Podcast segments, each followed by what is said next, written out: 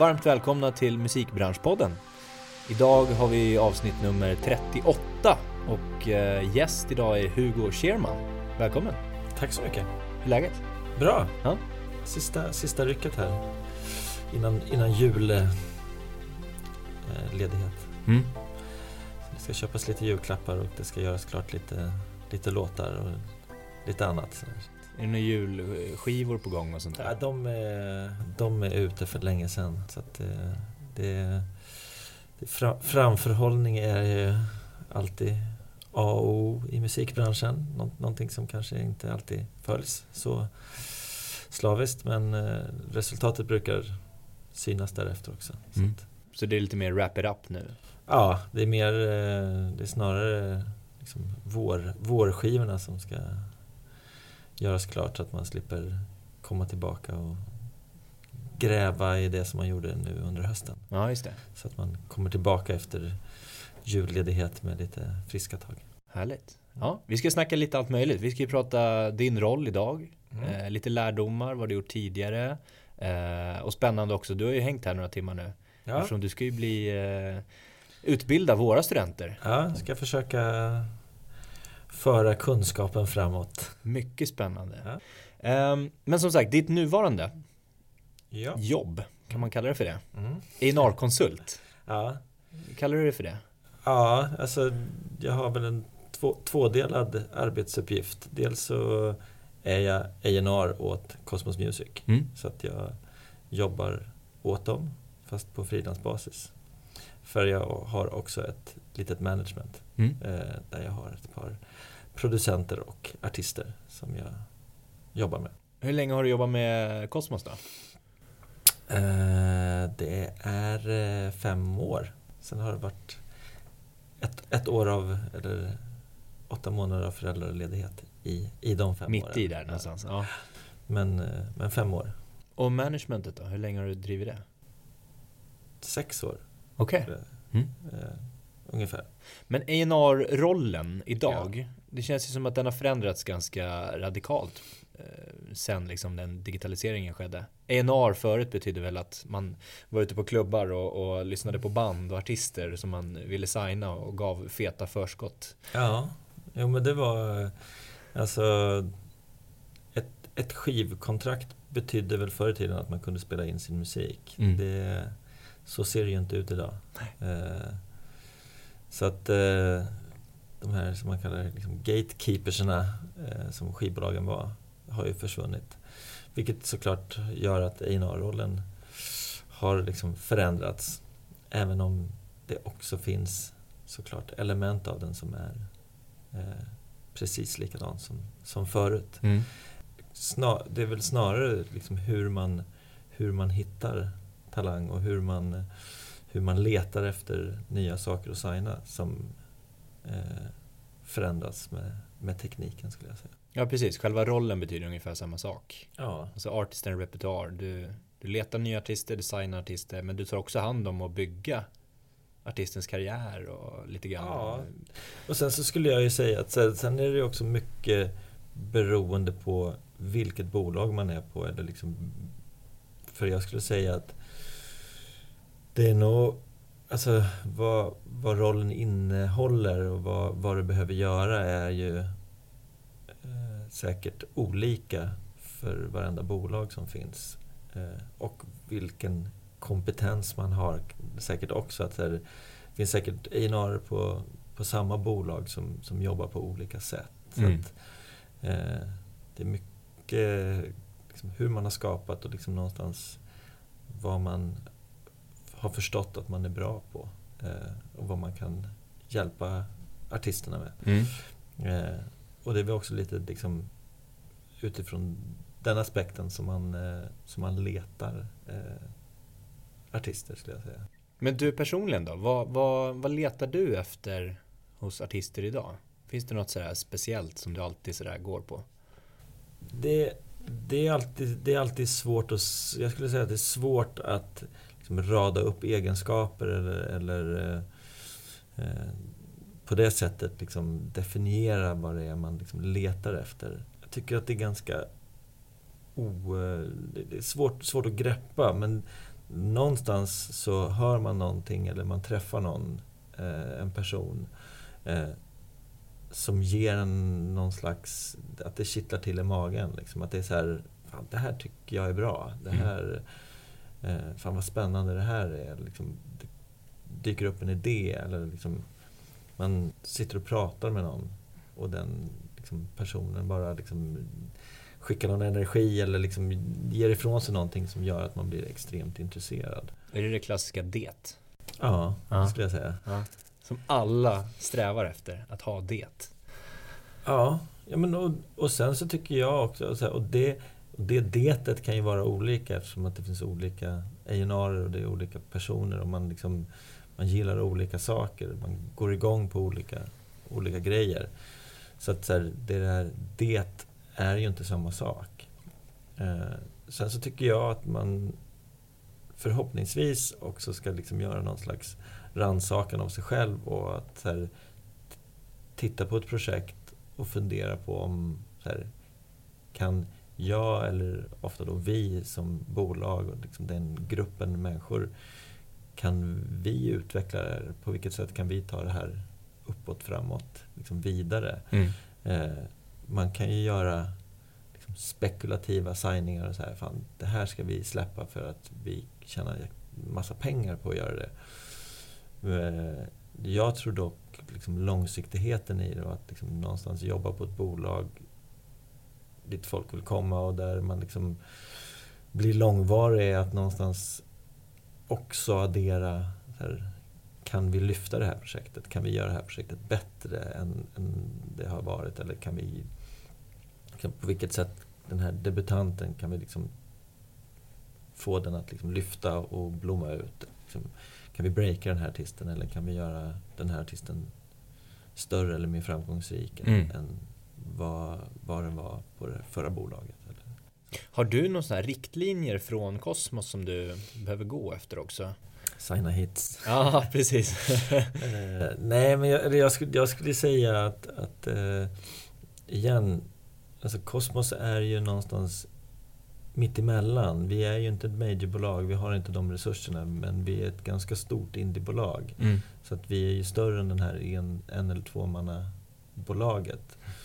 Och någonstans därefter så, så försöker man liksom anpassa sig. Liksom. Och att vi har ju, vi har ju våra eh, riktlinjer i att här, vi har en flexibilitet och vi försöker jobba med världen som marknad vilket gör att eh, liksom, vi tittar kanske mer på engelskspråket än på, på svenska även om vi behöver signa svenska saker också för att skapa relevans i, i, i hemmamarknaden och om vi springer på någonting där så här, man tycker att så här, fasken, det här, det här är så jäkla bra och vi tror att vi kan göra det här bättre än, än det har varit förut. Eller den här debutanten måste få den här chansen att visa upp sig för det här är så himla bra. Mm.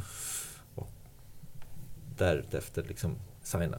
Men som sagt att så här, jag tror, nu kommer väl mina chefer skälla på mig, men att så här, vi, vi skulle inte göra Sara Larsson bättre än vad Sony och Sony-världen gör, för vi har inte de resurserna. Eh, sen så skulle vi ju vilja utveckla en Sara Larsson, men vi skulle ha svårt att ta hand om en Sara Larsson idag med den storleken som hon har. För det skulle ta upp hela, hela Kosmos personal ungefär. Vilket gör att vi inte skulle kunna signa eller jobba med någon annan artist. Men om du, eh, om du hittar en artist Mm. där det liksom känns sådär, uh, pirrar till lite grann och du känner att shit, det här är the shit. Mm. Hur, hur går du tillväga då? Det beror lite grann på vilken, vart den här artisten är. Är det Mm. en debutant eller är det en, en artist som redan har släppt ett par singlar eller en platta eller flera plattor? Eh, så är det ju liksom olika. Eh, men om man tar att det är en debutant. Det, först, först och främst så behöver man ju träffas. Man behöver liksom lära känna varandra lite grann och känna att min vision stämmer överens med artistens vision. Man kan springa in i ett samarbete, man kan hitta en låt och så tycker man så här, shit vad det här är bra, det här måste vi släppa och så börjar man jobba. Och så någonstans längs vägen så märker man att så här, men vi ser ju inte på det här projektet med samma ögon. Eh, vilket ofta skapar liksom konflikter. Eh, så att någonstans så måste man liksom känna efter att, igen, att här, fan, det här teamet, vår kompetens kompletterar artistens kompetens. Om, om, om, de, eh, om man liksom kan klicka i de rutorna så tycker jag också att det kan vara ganska sunt att kolla med andra. Alltså, mm. Ta referenser? Och... Ja, men så här, så här, skicka till de liksom, eh, bokningsagenterna kanske som man, eh, som man jobbar tajt med eller förlag eller en manager eller liksom någonstans mitt uppdrag som A&R är ju att signa saker och ting som ekonomiskt ska bära sig. Mm. Eh, och då eh, är ju min personliga smak ganska sekundär egentligen. Jag ska ju, igen, jag ska känna att jag kan utveckla och göra någonting med det här projektet. Tillföra någonting eh, som lyfter det här projektet.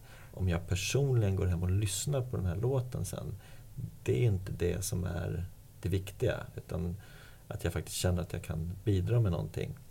Eh, så det måste ju någonstans igen, om man jobbar för ett annat bolag, eh, finnas någon slags kommersiell aspekt på det. Eh, då kan det vara bra att kolla att man inte, för det finns ju skivor man har hemma eller låtar man lyssnar på på Spotify eller någon annan streamingtjänst som inte har speciellt mycket streams mm. eller har sålt speciellt mycket men som man tycker är svinbra. Men det är ens personliga smak. Och jag jobbar ju inte åt Cosmos för att signa saker för att utöka min skivsamling. Nej. För att liksom ja, få det här företaget att funka. Mm. Jag tänker, när du approachar en sån ny up and coming artist mm. som du gillar och det pirrar till lite grann. Eh, vad är de vanligaste frågorna du får från en sån artist? Är det liksom Är man skeptisk till eh, Nej men vänta nu, varför approachar du mig? Eller är man mer wow, kör bara.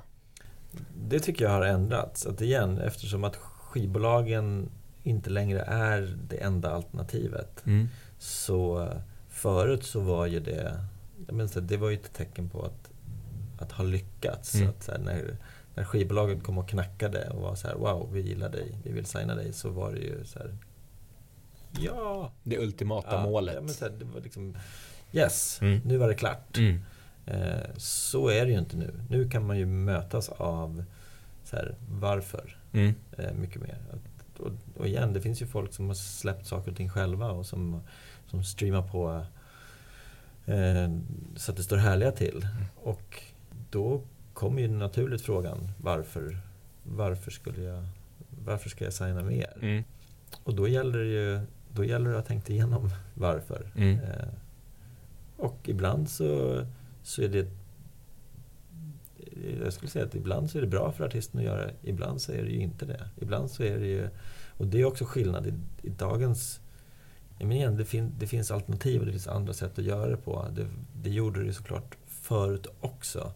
Men det var mycket, mycket svårare och det var mycket, mycket dyrare framför allt att, att uh, göra det själv. Liksom. Ja. Uh, det är det inte idag. Uh, vilket någonstans gör att man som artist såklart ska tänka till.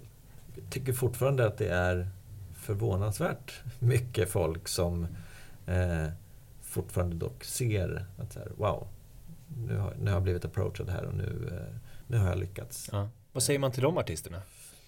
Igen beror på såklart artist, men man kan märka det ibland att så här, man kan ju bli inspirerad och imponerad av en artist som har gjort massor med saker själv och så kommer man och liksom, fan ska vi inte, ska vi inte göra det här tillsammans? Vi har lite mer resurser, vi kan liksom eh, trycka på lite mer här. Och så slutar artisten att jobba. Ja. För att den känner att så här, wow, det här, nu, nu var det klart. Eh, vilket gör att man liksom tappar eh, hela projektet, vilket gör att projektet går sämre än vad det gjorde innan. För att det var, inte, det var inte det man hade kanske tänkt på när man approachade utan man tänkte att vi kan addera eh, nästa del. Mm.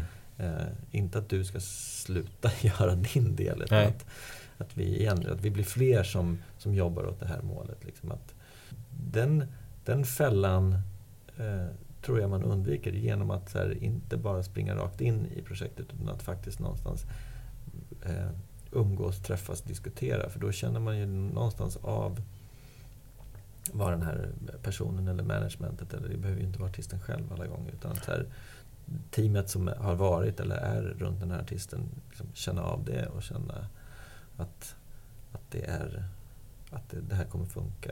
Så som artist bör du egentligen se det som en möjlighet och inte som det ultimata målet? Alltså att ta din karriär till nästa nivå mer? Det kanske är mycket begärt. Men som artist så tycker jag att man ska försöka någonstans fundera på vad det är man behöver. Mm. Vilket gör att så här, såklart att eh, om du är bra på att skriva låtar eller om du är bra på att sjunga eller spela så kanske du inte är eh, svingrym på att sköta sociala medier eller eh, gå en musik, skivbolagsutbildning. Man kanske inte kan allting men man ska kanske i alla fall fundera på eh, vad det är man tror sig behöva hjälp med. Mm. Eh, för igen, det kanske är så att du kanske inte behöver hjälp av ett skivbolag, du kanske behöver hjälp av en manager eller det kanske är en bokare du behöver, det andra kan du sköta själv. Men det känns fortfarande lite så att så här, när man går till skivbolaget, att det är liksom den... Eh, det är dit man går. Mm. Utan att kanske ha funderat på vad det faktiskt är man behöver. Och om man nu har, om man är artist och har då man är up and coming artist, man har utvärderat och känner att äh, men det, jag behöver ett skivbolag i ryggen. Um, hur ska man få din attention? Hur ska man liksom approacha skivbolaget? Skicka ett färgglatt kuvert med en uh, gammal demo i? Det tror jag nog kanske är det absolut sämsta. Eller skicka tunga WAV-filer till, ja, någon de, till någon demo att uh, uh, är kanske det absolut liksom, inte det smartaste. Ja, alltså det beror ju också på vad man är för typ av artist och vad man gör för musik och vad, vad det är man vill ha ut av det.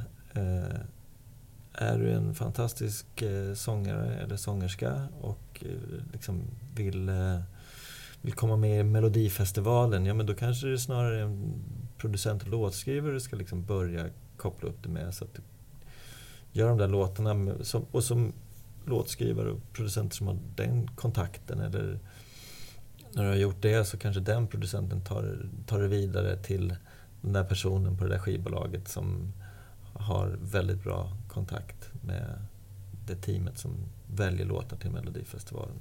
Jag skulle säga att det, igen, i dagens läge så känns det känns som att det är så många olika människor som är liksom involverade. Så att folk upptäcker musik på så många olika sätt. Mm. Eh, men så här, jag kan ju få allt ifrån att liksom, igen, men man upptäcker en låt på Spotify som, inte har, som visar sig att det är någon som har släppt själv.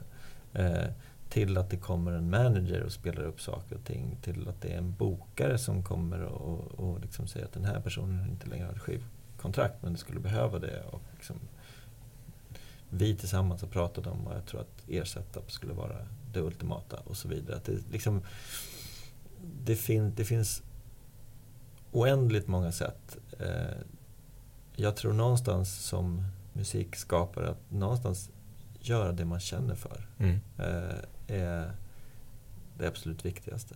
Att eh, våga liksom lita på det man gör och göra det till 100% och utveckla det och göra det på det absolut bästa sättet.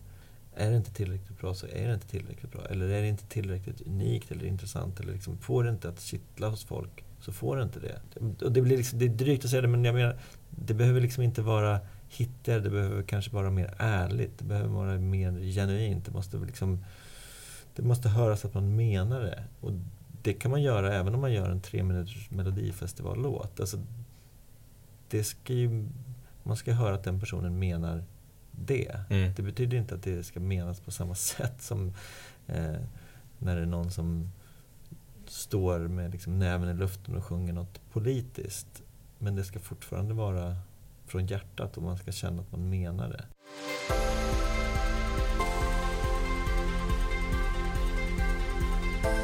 Jag tänkte vi ska gå vidare lite. Mm. Eller tillbaka lite. Mm. Vad du har gjort tidigare. Mm. Vi har pratat mycket A&R nu och hur man som artist kan tänka och hur du som A&R tänker också. Men lite grann var, var du kommer ifrån. Var, var kommer ditt musikintresse ifrån till exempel? Eh, det, det kommer nog från att mamma och pappa spelade proggvinyl.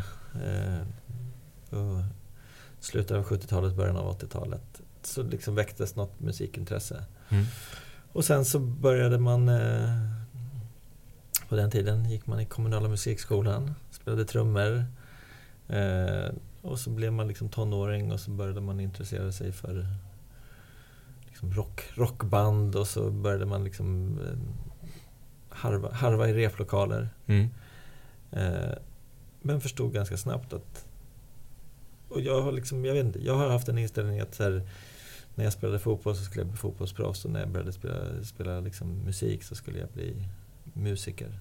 Men förstod ganska snabbt att så här, jag, men det, kommer inte, det kommer inte hända. Nej.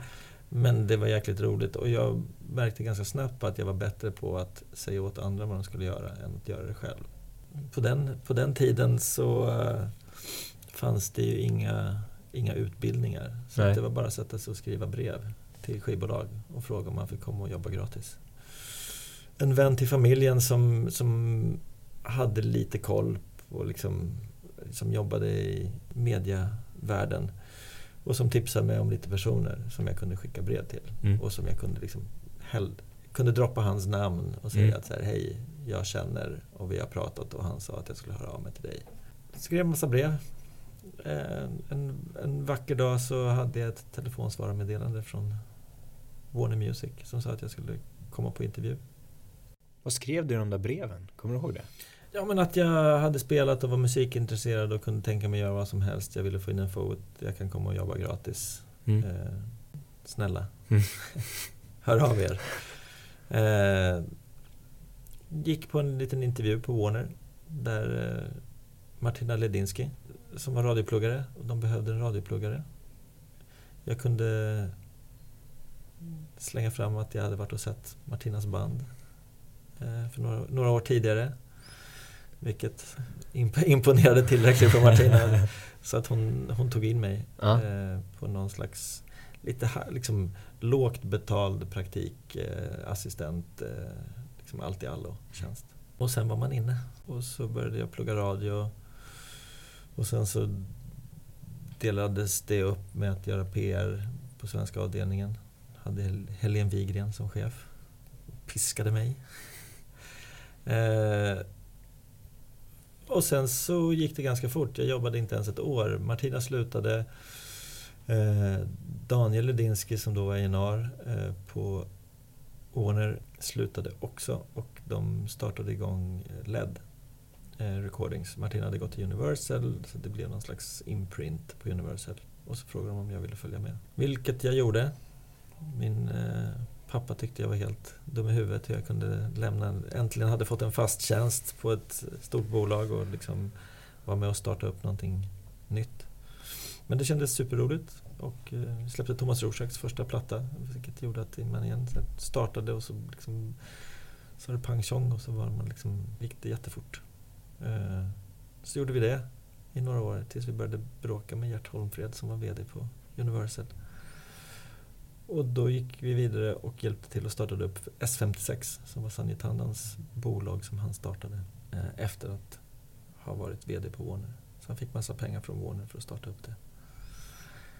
Och där någonstans så tröttnade jag på musikbranschen.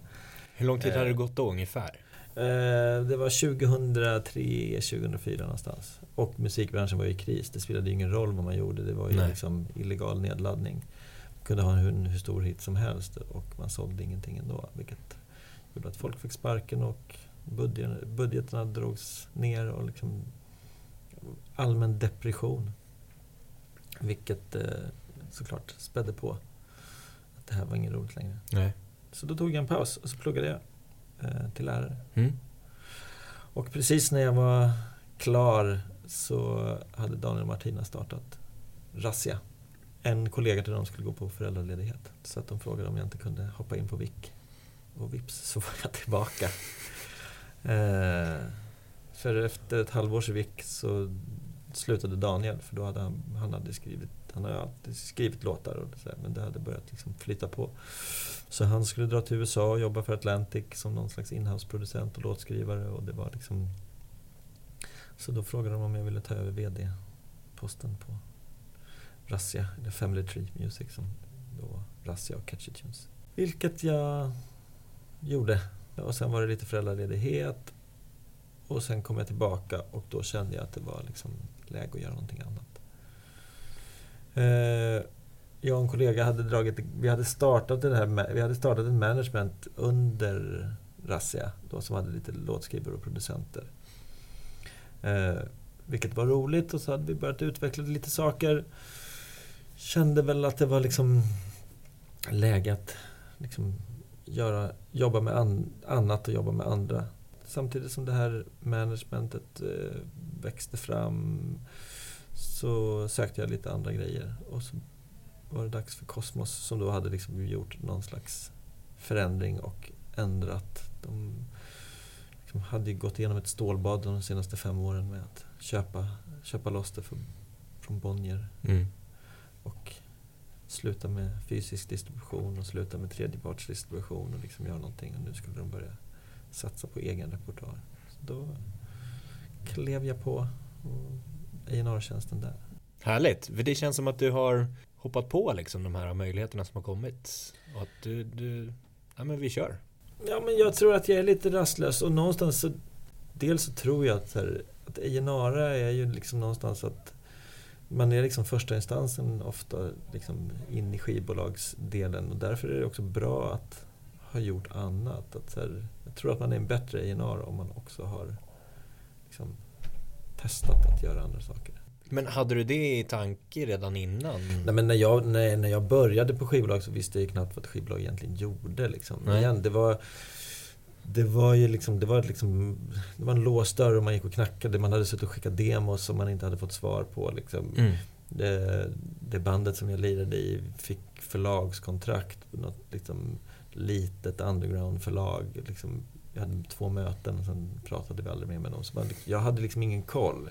Så när den dörren öppnade sig och jag förstod att det var olika delar och liksom vad de olika delarna gjorde. Där någonstans så så utvecklades det där att så här, fasken, det är liksom det är, det är den kreativa delen. Eh, jag är kanske inte världens bästa säljare. Tar du med dig några speciella nycklar från eh, alla de här olika bitarna? Alltså sammanfattande nycklar som du känner att ja, men, de här har jag fått från de här ställena och kan använda framöver. Hel Helene Wigren var ju en... Hon var stenhård och jag lärde mig extremt mycket. Eh, sen var inte det alltid roligt. eh, men i efterhand så, så här, jag menar så här, oavsett om det var liksom jobbigt där och då, att man satt där på det här måndagsmötet och man hade inte liksom man hade tråkiga besked att lämna. Den där liksom, låten har inte kommit in på radio. Liksom, igen, så det, är en, det är en lärdom. Eh, och sen kan man säkert liksom, man kan lära sig det på flera olika sätt. Mm. Jag, jag har haft jättestor nytta av det där liksom första året med den liksom piskan som det var på den tiden också. Jag tror det säkert, nu var det länge sedan jag jobbade på en major, men att här, den där finns där och det finns någonting osunt men det finns också någonting nyttigt och, och liksom, eh, få ut av det där. När vi startade LED och liksom drog igång, då började vi med en succé, vilket igen så här, då trodde man att man, så här, nu har vi knäckt det, nu vet man hur vi gör. Och så släppte vi liksom en till platta som tog floppade och liksom hade bränt alla pengar. Då kunde man liksom gå tillbaka och analysera. Så, liksom, nej, så enkelt var det inte. Bara för att man gör en succé så vet man kanske inte exakt vad, vad man ska göra i alla lägen. Och det tror jag att man är ganska dålig på generellt i, i musikbranschen. Att så här, analysera sina, sina misstag och sina floppar. För mm. det är ju någonting, någonting som man gärna inte pratar om. Att mm. här, har man bränt väldigt mycket pengar på en skiva som har gått väldigt, väldigt dåligt så är det, det är ju superångest och pinsamt och jobbigt. Och alla vill helst bara sluta prata om det. Och att då gå tillbaka och sätta sig och nysta i det där är ju jättejobbigt. Mm. Men också jättenyttigt. För att det är ju just av de där misstagen som man som man tydligare tror jag ser och förstår vad det är liksom, vad man har gjort och vad man kanske ska ändra på och vad man ska tänka på till nästa gång. Vi är inne på lite just musikbranschen och de olika delarna men om vi tar ett större perspektiv eller större helhet kring branschen hur, hur tycker du att den mår idag? Har den hämtat sig efter eh, allt som hände i början på 2000-talet? Ja, alltså på ett sätt så har han väl gjort det och liksom Det är ju roligare att jobba i en bransch idag som, där det finns lite mer ekonomi. Eh, där en hit faktiskt genererar pengar. Eh, vilket gör att skivbolagen kan investera i, i nya talanger och nya artister och nya låtar. Mm. Eh, jag tycker också att det är eh, roligt att eh, jag menar just liksom det är viktigt för skivbolagen att ha musik i sin katalog idag. Alltså att signa nytt, att, att utveckla det är, är en viktig del. Liksom. Det är inte bara liksom, släppa, släppa samlingar eh, som det liksom blev någonstans där i början av 2000-talet. Att, här, spela inte in någonting nytt utan bara släpp det gamla i nya förpackningar. Och eh, det här med, alltså det dyker upp konstant nya affärsmodeller och nya sätt att göra saker och ting, nya plattformar. Mm. Eh, är det någonting positivt för utvecklingen, tycker du? svårt att, att, att ha ett entydigt svar. Alltså streamingen har ju gjort en enorm eh, inverkan på, på liksom vart, vart vi är idag. Eh, sen är ju inte den kanske enbart positiv. Och sen så har du liksom den faktorn att i den här delen av världen så har vi en plattform, vilket igen...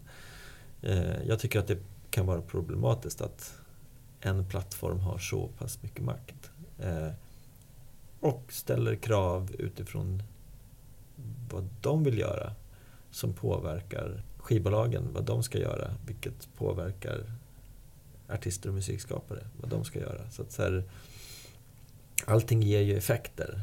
Bra eller dåligt? Jag, jag kan väl tycka att det är lite trist, mm. kanske. Eh, Eh, ur ett, ur ett subjektivt perspektiv. Jag tycker att man eh, det blir också så här, det blir genrer som sticker iväg och nu är det, liksom, nu är det spellistor och nu är det spellistemusik och så ska man liksom signa och det ska vara liksom fingerknäpp och det ska vara någon slags tropical house-grej och så ska det vara och så liksom bara matar man det och det spelar ingen roll om du breakar en artist för har du den där låten så kan den hamna i de här spellistorna så genererar det liksom 50 miljoner streams och då är det pengar in.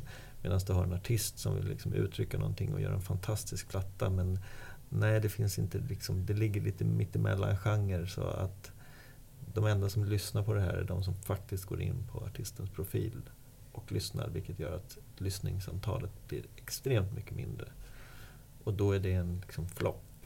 Om du kunde trolla med knäna, vad eh, skulle du vilja förändra i dagens bransch? Ja, det finns ju massor med saker. Men... Eh, du får ta en. Då skulle jag säga, och då menar jag på alla plan, en mer jämställd eh, musikbransch. Alltså mer jämställt mellan män och kvinnor, mer jämställt mellan indies och major. Ja, mer, mer jämställt överlag på, på alla plan. Liksom. Mm. Eh, tror jag skulle skapa ett eh, mer spännande och sunt klimat i musikbranschen.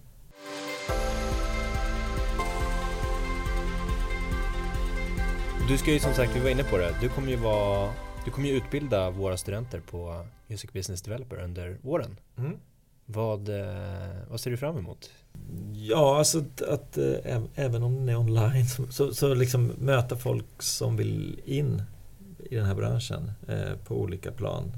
Alltså, det är ju folk som eh, skapar musik och det finns folk som vill in och jobba med andras skapande och liksom möta den, eh, den där energin och entusiasmen eh, ska bli väldigt spännande. Man, jag kommer fortfarande ihåg eh, hur det var när man stod utanför och knackade på och ville in. Liksom. Mm.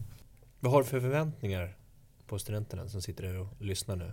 Ja, men egentligen bara positiv energi. Alltså att, igen, den där energin att vilja. Att, eh, att vilja lära sig, att vilja veta, att eh, förstå, eh, ifrågasätta. Och det är det som föder nytt också. Det är det som utvecklar en bransch att just ifrågasätta. Varför gör ni på det här sättet? Speciellt blir det viktigt när de sen kommer ut på bolag eller på arbetsplatser till exempel. Då. Ja men det var det vi, vi, vi, vi satt idag och gick igenom lite saker. Att just den grejen, att jag lärde mig av att någon annan berättade för mig hur man gör. Och eftersom jag inte hade hört någon annan berätta någonting så var det ju bara att säga okej. Okay. Mm. Och så gjorde man likadant. Och igen, det tog ganska många år innan man ja, men vi provar det här. Eller liksom att så här, när branschen började gå åt ett håll på den tiden i en negativ riktning så var det ju så här, vi måste göra någonting. Det finns ju någon slags överlevnadsinstinkt och sen kanske den är inte alltid är sund på det sättet. Men att så här, i början av 20-talet var det det. Det var liksom nya samlingar, eh, paketera om den där. Liksom. Vi, måste, vi måste sälja de här enheterna. Eh, hur gör vi det? Och ur det någonstans hitta en kreativ lösning på saker och ting. Idag ser det ju annorlunda ut. Idag finns det ju liksom andra möjligheter. Vilket gör att den där... Eh, jag skulle säga att den är, är tvärtom. Idag är den positiva så här, men hur når vi ut? Hur hittar vi den där? Liksom, kan vi göra på ett annat sätt? Vilka vägar? Fasken vilken bra låt det här är. Vad, liksom, hur, hur kan vi göra? Eh, hur kan vi göra för att liksom, bryta igenom bruset? Den här låten är svinbra men den kommer aldrig spelas på radio.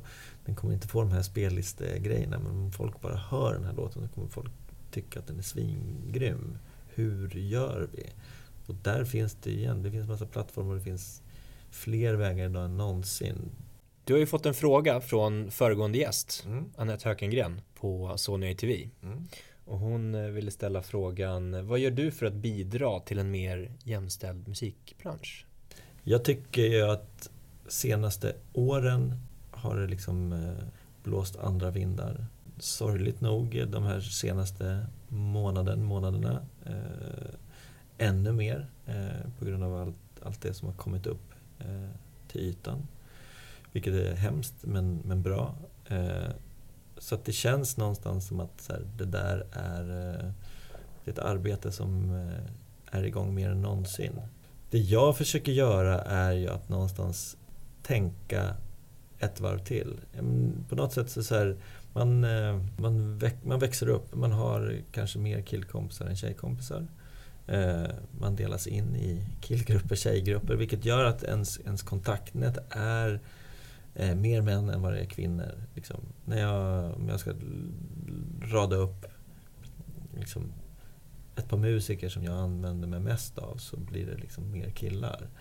Och där någonstans försöka att här, gå till sig själv och tänka mm, ett varv till. Att så här, ja, men, liksom lyfta in kvinnor, att, att, att liksom göra, inte bara ta det där liksom enkla första alternativet utan att liksom medvetet hela tiden tänka på att så här, hur ser det här ut? Den här gruppen, ja nu är det bara killar. Ja, men fan, så ska vi inte ha det. Eh, kan, vi lyfta in, kan vi lyfta in någon annan? Och eh, om man då inte har den, här, men igen, hör av till någon annan som kanske har det. Liksom du, det finns andra människor med andra som ingår i andra grupper eh, av, av, kontakter och liksom fråga dem. Att vara inte så jäkla rädd för att, att liksom säga att man inte vet eller att man inte kan. Utan att liksom, men våga ta ett steg till och ändra på det. Jag tycker att det är viktigt att så här, både tänka aspekten män, kvinnor men också liksom vilken, vilken etnicitet som, som personen har. För att jag skulle säga att så här, lika, lika hemskt som att den här eh, branschen är mansdominerad så är den också väldigt dominerad av vita män. Oavsett bransch så är ju olika erfarenheter och olika infallsvinklar och olika sätt att se på saker och ting. Vilket man, eh, man får av vart man växer upp och vilka man växer upp med. Supernyttigt. Liksom. Det, det ökar igen eh, kreativiteten något enormt genom att eh, liksom få andra referensramar kring saker och ting. Så att, eh, det handlar ju någonstans om att sätta den frågan högst. Mm. Kanske ibland över de ekonomiska målen. Att nu hinner vi inte till deadline. Nej, men det är viktigt att vi har den här... De här som ska stå och spela, det ska vara, det ska vara representativt. Du ska också få skicka vidare en eh, fråga till nästkommande gäst. Mm. Eftersom jag vet vem det är eh, så skulle jag vilja, liksom, ur hans perspektiv, vill jag att han berättar hur han tycker att den, den ultimata musikbranschen skulle se ut. Stor fråga. Mm. Härligt! Eh, då tycker jag att vi eh, wrap it up Mm.